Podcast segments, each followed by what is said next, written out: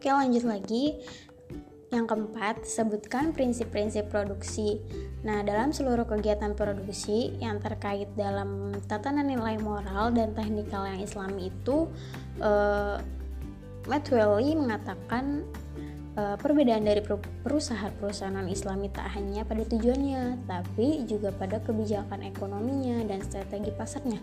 Produksi barang dan jasa yang dapat merusak moralitas dan menjauhkan manusia dari nilai religius itu tidak akan diperbolehkan. Nah, kemudian uh, terdapat juga lima jenis kebutuhan yang dipending uh, maksudnya yang dipandang bermanfaat untuk mencapai falah yaitu kehidupan, yang kedua harta, yang ketiga kebenaran, yang keempat ilmu pengetahuan, dan yang kelima ini kelangsungan keturunan. Nah, selain itu, Islam juga mengajarkan adanya skala prioritas atau doruriyah, hajiyah, dan tahsiniyah dalam pemenuhan kebutuhan, konsumsi serta melarang sikap berlebihan. Larangan ini juga berlaku bagi segala mata rantai dalam produksinya kegiatan produksi harus memperhatikan aspek sosial kemasyarakatan.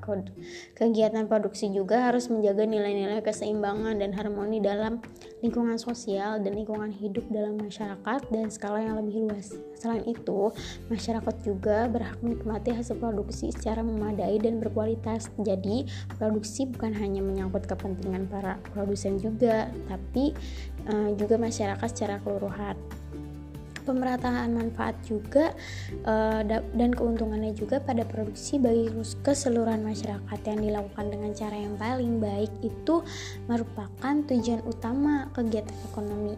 Nah, permasalahan ekonomi itu muncul bukan hanya karena kelangkaan tetapi lebih kompleks kegiatan produksi ini uh, dalam perspektif Islam itu bersifat altruistik sehingga produsen tidak hanya mengejar um, ini saja.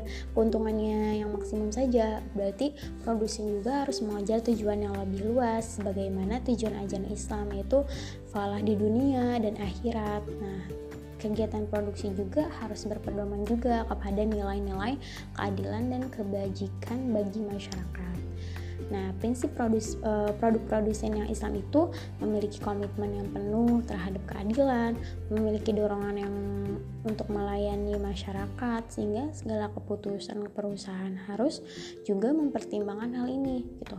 Uh, yang ketiga ini optimasi keuntungan diperkenankan dengan bahas batasan kedua prinsip di atas gitu.